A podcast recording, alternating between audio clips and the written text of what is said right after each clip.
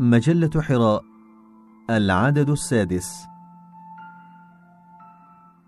ونحن نقيم صرح الروح بقلم الأستاذ فتح الله جلن.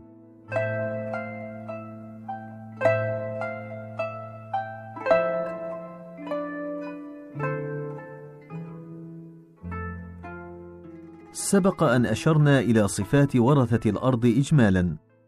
ونريد الآن أن نوضح فيها بشيء من التفصيل. الوصف الأول لوارث الأرض هو الإيمان الكامل فالقرآن العظيم يضع الإيمان هدفا لخلق الإنسان.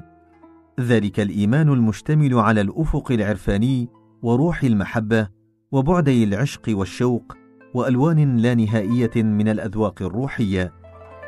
والإنسان مكلف ببناء عالمه الإيماني والتفكري بمد الدروب من ذاته إلى أعماق الوجود حينا وبالتقاط شرائح من الوجود وتقييمها في ذاته حينا آخر. ويعني هذا في الوقت عينه ظهور الحقيقة الإنسانية الكامنة في روحه. فالإنسان لا يستطيع أن يستشعر ذاته والأعماق في ذاته ومقاصد الوجود وغاياته ويطلع على كنه الكائنات والحوادث وما وراء ستار الأشياء إلا في ضياء الإيمان. وبعد الاطلاع يحيط فهما بالوجود في أبعاده الذاتية. إن الكفر نظام منغلق وخانق. ففي نظر الكافر بدأ الوجود بفوضى وتطور في المجاهل المخيفة للصدف وينزلق متسارعا إلى نهاية رهيبة. وفي هذا السير المتدحرج والمنزلق ليس لنا مكان ضيق بل ولا موطئ قدم فيه نفحة رحمانية ينشرح بها الروح أو نسيم أمان يحتضن آمالنا الإنسانية. أما إنسان الإيمان المستشعر بمنشئه وخط حركته وتوجهاته إلى أين وإلى ماذا ووظائفه ومسؤولياته فإنه يرى كل شيء نورا وضياء ويطأ قدمه من غير قلق أينما يطأ ويسير نحو هدفه بلا خوف وفي ثقة وإذ يسير ينقب خمسين ألف مرة عن الوجود وما وراء ستار الوجود ويرشح الأشياء والحوادث خمسين ألف مرة في الإنبيق ويصر على طرق كل باب ويبحث عن وشائج المناسبة مع كل شيء.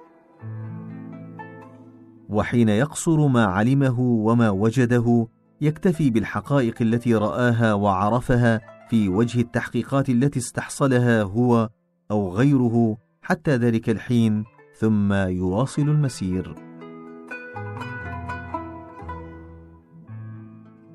في إطار هذه الموازين يعد سائح الإيمان مكتشفا لمصدر مهم للقوة.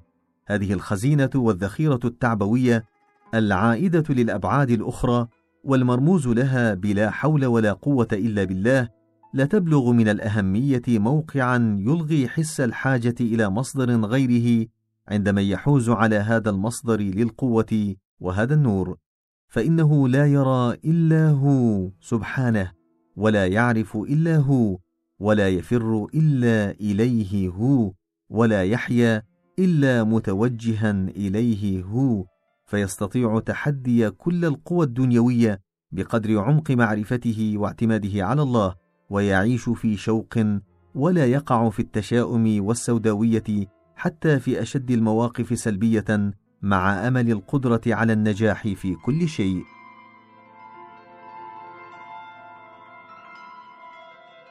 وأكتفي هنا بهذا القدر عن هذا الموضوع محيلا إلى تراث ضخم من الآثار تعالجه وفي مقدمتها كليات رسائل النور.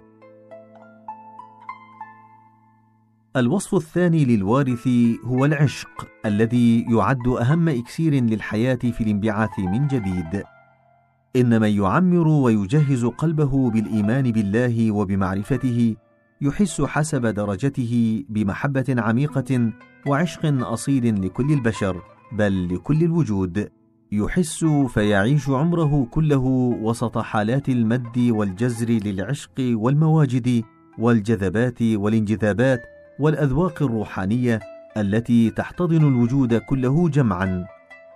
وكما في كل مرحلة زمنية نحن بحاجة في الحاضر إلى أن تفيض القلوب عشقا وأن تتعبأ شوقا في فهم جديد وطري لتحقيق انبعاث عظيم. فما من حركة أو حملة تثمر وتبقى بمعزل عن العشق.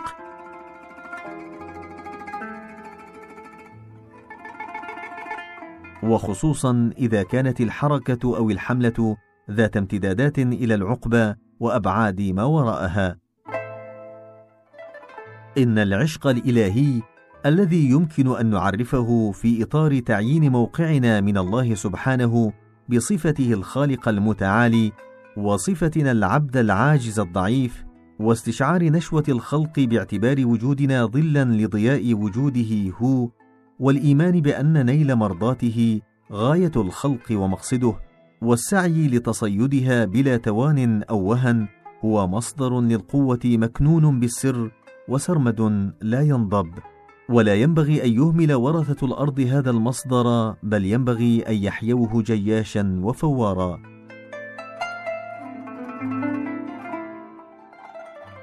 لقد تعرف الغرب على العشق في أبعاده المادية على يد الفلاسفة وفي أجواء الفلسفة الضبابية التي يكتنفها الغموض فذاق طعمه وعاش الشبهات والتذبذبات على طول الطريق. أما نحن فننظر إلى الوجود ومصدر الوجود بعدسة الكتاب والسنة ونحقق حب الخالق الذي نثكي جذوته ولهيبه في قلوبنا وحب المخلوقات من أجل الخالق سبحانه باللجوء إلى الموازين الدقيقة لهذين المصدرين مع الانفتاح على أبعادهما الماورائيه الفسيحة. ذلك لأن منشأ الإنسان وموقعه في الكون وغاية وجوده والصراط الذي يسير فيه ونهاية هذا الصراط في هذين المصدرين منسجم انسجاما عجيبا مع فكر الإنسان وحسه وشعوره وتوقعاته فلا نملك دونه إذ نحس بهذا الانسجام إلا الإعجاب والاندهاش.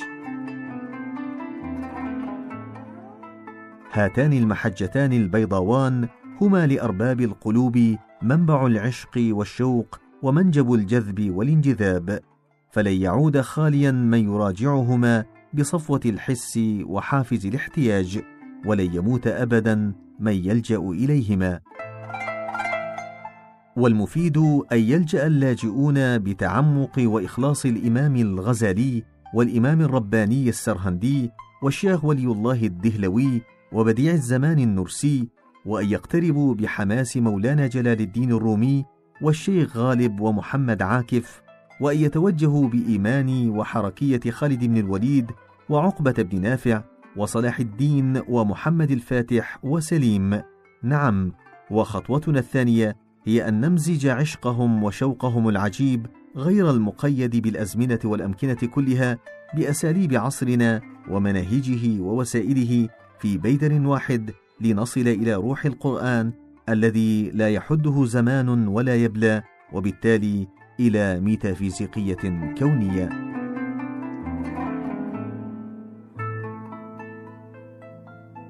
الوصف الثالث للوارث هو الإقبال إلى العلم بميزان ثلاثية العقل والمنطق والشعور. وهذا الإقبال يأتي في أوانه إذ يشكل استجابة لمطلب بشري عام في وقت انجرفت فيه البشرية وراء فرضيات غامضة مظلمة وإنها لخطوة خطيرة نحو خلاص الإنسانية عامة. ولقد أشار بديع الزمان النرسي إلى أن البشرية ستتوجه في آخر الزمان بكل طاقتها إلى العلم والفن فتستمد كل قوتها من العلم ويمتلك العلم مرة أخرى الحكم والقوة وتصير الفصاحة والبلاغة وقوة الإفادة موضوعا في سبيل قبول الجمهور للعلم وموضع اهتمام الجميع. ويعني هذا عودة عصر العلم والبيان من جديد. ولا نرى سبيلا غير هذا يبعدنا من أجواء دخان الأوهام وضبابها المحيط ببيئتنا ويوصلنا إلى الحقيقة بل إلى حقيقة الحقائق. إن استدراكنا للنواقص والفجوات التي ألمت بنا في القرون الأخيرة وبلوغنا حد الإشباع في المعرفة وإثبات وجودنا وثقتنا بأنفسنا مرة أخرى بتعمير خراب حس الانسحاق المزمن في شعورنا الباطن كل ذلك يتطلب منا إمرار العلم من منشور الفكر الإسلامي وتمثيله عمليا والإفادة عنه بشتى الوسائل. وقد شهدنا في تاريخنا القريب خللا ملموسا في الفكر العلمي وتزلزلا في توقير رجال العلم يصعب تعميره بسبب تشتت التوجهات والأهداف حينا أو اختلاط المعلومة بالعلم والعلم بالفلسفة حينا آخر. واستفاد الأجانب المقيمون في بلادنا من هذا الفراغ فائدة جمة فافتتحوا المدارس بنشاط في كل زاوية من زوايا الوطن ولقحوا أجيالنا باللقاح الأجنبي من خلال أعشاش التعليم. وتطوعت شريحة منا لتمكين خير أبناء الوطن استعدادا وقابلية من شغل مقاعد الدراسة فيها بل حتى بتقبيل الأيدي والأرجل ليزيدوا في السرعة المضطردة للتغريب. ثم بعد مدة ضاع الدين وضاع الإيمان فالدين خراب والإيمان تراب عند هذه الأجيال الغرة المخدوعة. ضاع فوقعنا كأمة في ابتدار الذات فكرا وتصورا وفنا وحياه. وهل نعجب من النتيجة؟ ما دامت هذه المدارس التي سلمناها الأدمغة الطرية بلا توجس أو قلق تضع في اعتبارها من غير استثناء وفي كل وقت تقديم الثقافة الأمريكية والأخلاق الفرنسية والعادات والأعراف الإنجليزية على العلم والتفكير العلمي. ولذلك بدأ شبابنا يتسلى بألعاب الماركسية والدركيميه واللينينية والماوية منقسمين إلى معسكرات شتى بدلا عن اللحاق بالعصر بعلمهم وفنهم وتقنيتهم فمنهم من واسى نفسه بأحلام الشيوعية وديكتاتورية البروليتاريا ومنهم من انغرز في عقيدة فرويد ومنهم من ضيع عقله في الوجودية مشدودا إلى سارتر ومنهم من أسال ماركوس رضابه ومنهم من أهدر عمره لاهثا خلف هذيان كامو. لقد عشنا هذا كله وتولى ما يسمى بموائل العلم دور الحاضن لذلك. وفي مرحلة الأزمة هذه لم تن أصوات القتام وأفواه السواد من تلطيخ اسم الدين وأهل الدين وتشهير أنواع الجنون الغربي أمام الأنظار. من العسير علينا أن ننسى تلك المرحلة ودماها الرخيصة. إن من هيئوا تلك الأرضية ضد إرادة إنساننا ووطننا سيذكرون دائما في وجدان المجتمع على أنهم مجرمون تاريخيا. والآن نريد أن ندع مهندسي تلك الأيام السوداء في خلوة مع مساوئهم وفينا منهم آلام في أنفسنا وأنين في قلوبنا ونتحدث عن عمال الفكر الذين يكدون لبناء مستقبلنا.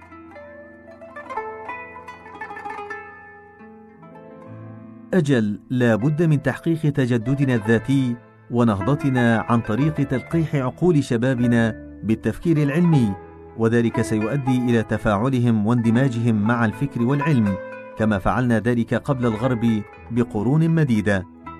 إن القلق المحسوس به في الوجدان العام لسيرنا المنحوس واضطراب القلوب بسبب العيش تحت الوصاية سنين وسنين ورد الفعل لدى إنساننا بسبب استغلال الغير لنا قرونا أورثنا اليوم شهقة كشهقة النبي آدم ونشيجا كنشيج النبي يونس وأنينا كأنين أيوب عليه السلام. وقد بلغ بنا الأمر أننا بدافع هذه الأفكار والمشاعر وعلى ضوء التجارب التاريخية نشعر اليوم وكأن المسافات قد انكمشت ولم يبق للوصول إلى الهدف سوى خطوات.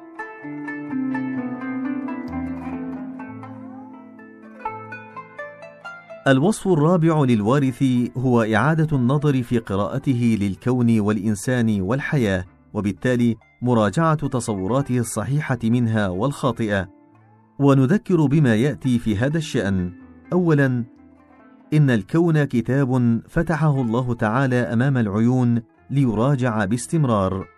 والإنسان منشور بلوري مؤهل لرصد الأعماق في الوجود وفهرست شفاف للعالمين جميعا والحياة ترشح هذا الكتاب وهذا الفهرست وتمثل المعاني في انعكاس صدى البيان الإلهي وما دام الكون والإنسان والحياة باعتبار تلوناتها أوجها متنوعة لحقيقة واحدة فإن تفريقها عن بعضها وتقطيعها ظلم وازدراء للوجود والإنسان لما فيه من إخلال بانسجام الحقيقة. وكما أن قراءة بيان الله سبحانه النابع من صفة الكلام الجليلة وفهمه وإطاعته والانقياد له واجب، فكذلك معرفة الحق تعالى وإدراكه بدلالة الأشياء والحوادث جميعا التي صورها سبحانه بعلمه وأوجدها بقدرته ومشيئته تعالى ثم رؤية طرق التوافق بينهما أساس لا يمكن التخلي عنه. فإن الفرقان العظيم من صفة كلامه هو وهو روح الوجود كله والمصدر الأوحد لسعادة الدنيا والعقبى. وإن كتاب الكائنات هو جسد تلك الحقيقة وحركية مهمة مؤثرة في حياة الدنيا مباشرة وفي حياة العقبى بالوسيلة باعتبار تمثيلها لفروع العلم المتنوعة واحتوائها عليها.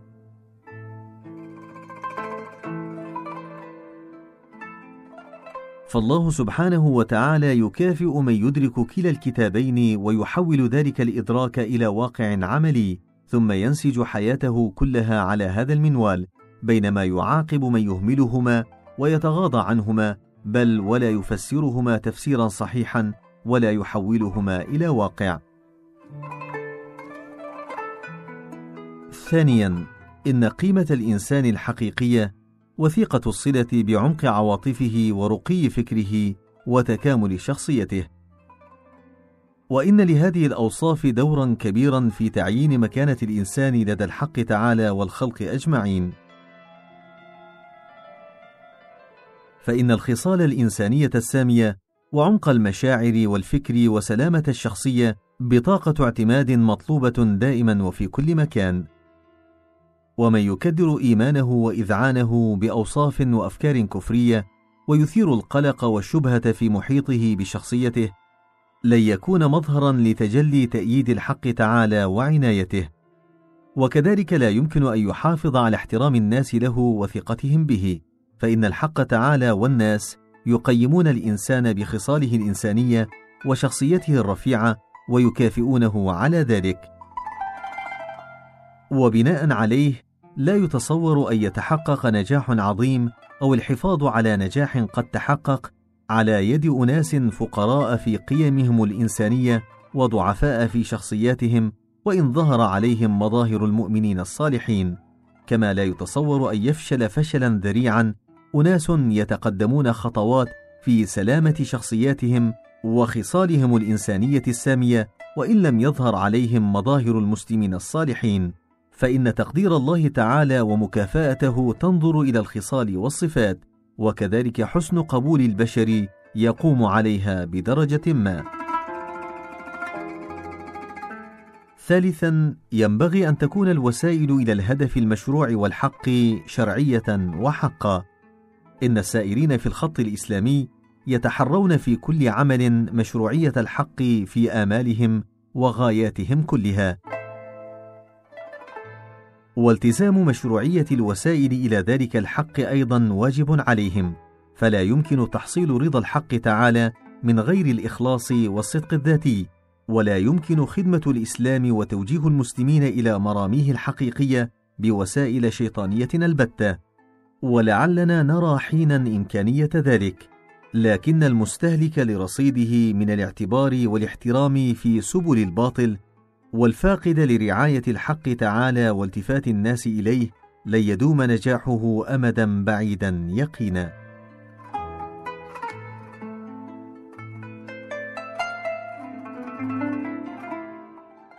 الوصف الخامس للوارث هو أن يكون حرا في التفكير وموقرا لحرية التفكير. إن التحرر وتذوق حس الحرية عمق مهم لإرادة الإنسان وباب سحري ينفتح على أسرار الذات. ومن العسير أن نصف بالإنسان من لم ينطلق في ذاك العمق ولم يلج من ذاك الباب. ومنذ سنين وسنين ونحن نتلوى ألما في طوق الأسر الخارجي والداخلي الرهيب. ولقد ضيقوا علينا وسلطوا أثقالهم انواعا والوانا على مشاعرنا وأفكارنا ونحن في طوق الأسر الذي يخنقنا. فدع عنك التجدد والتطور في هذا التحديد للقراءة والتفكير والإحساس والحياة واسأل إن كان في قدرة الإنسان البقاء بملكاته ومواهبه الإنسانية في هذا الوسط. فإن حماية المستوى الإنساني البسيط في هذه الأرض عسير فكيف بإنضاج بشر يسمقون إلى العلا بروح التجديد ويمدون البصر إلى اللانهايات؟ فلا تنتظر في هذا الوسط إلا اناسا ضعاف الشخصية وارواحا هزيلة ضاوية ومشاعر مشلولة. ونعرف من تاريخنا القريب أن الأسرة والشارع ومؤسسات التعليم وأوساط الفنون قد نفخت في أرواحنا الأفكار الشاذة والموازين الفاسدة فقلبت راسا على عقب كل شيء من المادة إلى الروح ومن الفيزياء إلى ما وراء الفيزياء. في هذه المرحلة المذكورة كنا نبدي انحرافا إذ نفكر ونخطط لكل شيء على محور الأنانية ولا نحسب حسابا لوجود معتقدات وقناعات أخرى غير معتقداتنا وقناعاتنا ونلجأ إلى القوة باستمرار كلما سنحت الفرصة.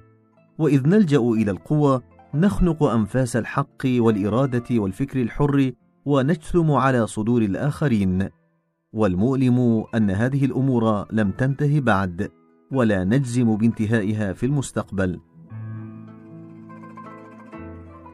لكن الواقع يقتضي إذ نمضي في طريق التجديد أمة أن نعيد النظر في المحركات التاريخية لألف سنة مضت وأن نستجوب التغيرات والتحولات المختلفة لمائه وخمسين سنة مضت. هذا ضروري لأن الأحكام والقرارات تقولب في الحاضر حسب مقدسات مصطنعة. والقرارات المنبثقة من تحت ثقل الفهم السائد المعلوم معلولة وغير ولودة وعاجزة بديهة عن الإعداد للمرحلة المشرقة المأمولة. ولئن أعدت لشيء فإنها تعد للتصارع بين الحشود المنحشرة في شباك غرائز الحرص القاتلة والخصام بين الأحزاب والعراق بين الشعوب والصدام بين القوات. وإنها اليوم هي سبب تضارب شريحة مع أخرى وتحول التنوع إلى تخاصم وحتى الوحشية المشهودة في الأرض. فربما كان العالم يختلف عما عليه الآن اختلافا بعيدا لو أن البشر لم يكونوا أنانيين ومنساقين للرغبات وقساة إلى هذه الدرجة. علينا اذن أن نكون أفسح في حرية الفكر وحرية الإرادة في مسيرتنا نحو عوالم مختلفة سواء في سلوكنا مع الآخرين أو من زاوية أنانيتنا الذاتية وتمسكنا برغباتنا فالحاجة ماسة اليوم إلى صدور متسعة تحيط بالتفكير الحر وتنفتح على العلم والبحث العلمي وتستشعر التوافق بين القرآن وسنة الله على الخط الممتد من الكائنات إلى الحياة. ولن يقتدر على ذلك في هذا الزمان إلا جماعة تتحمل دورا لا يمكن أن يحمله إلا أولو العزم من العباقرة.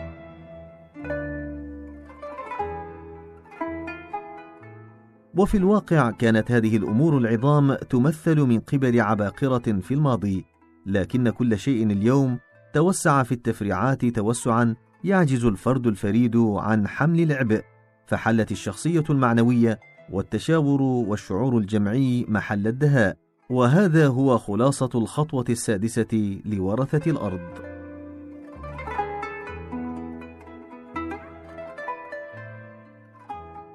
والحقيقة أنه لم يمكن غرس هذا الفهم في المجتمع الإسلامي في تاريخنا القريب. ذلك لأن التعليم التقليدي لم يزد على ترداد مسلماته الثابتة، والمدرسة التقليدية أطلت على الحياة من حافاتها وأطرافها، والتكية دفنت نفسها في الوجدانيات تماما، والثكنة أظهرت القوة وحدها وزمجرت بالقوة وحدها، فكيف يمكن نشر هذا الفهم في المجتمع؟ وهل يتوقع أن تكون هذه المبادئ جزءا من الحياة؟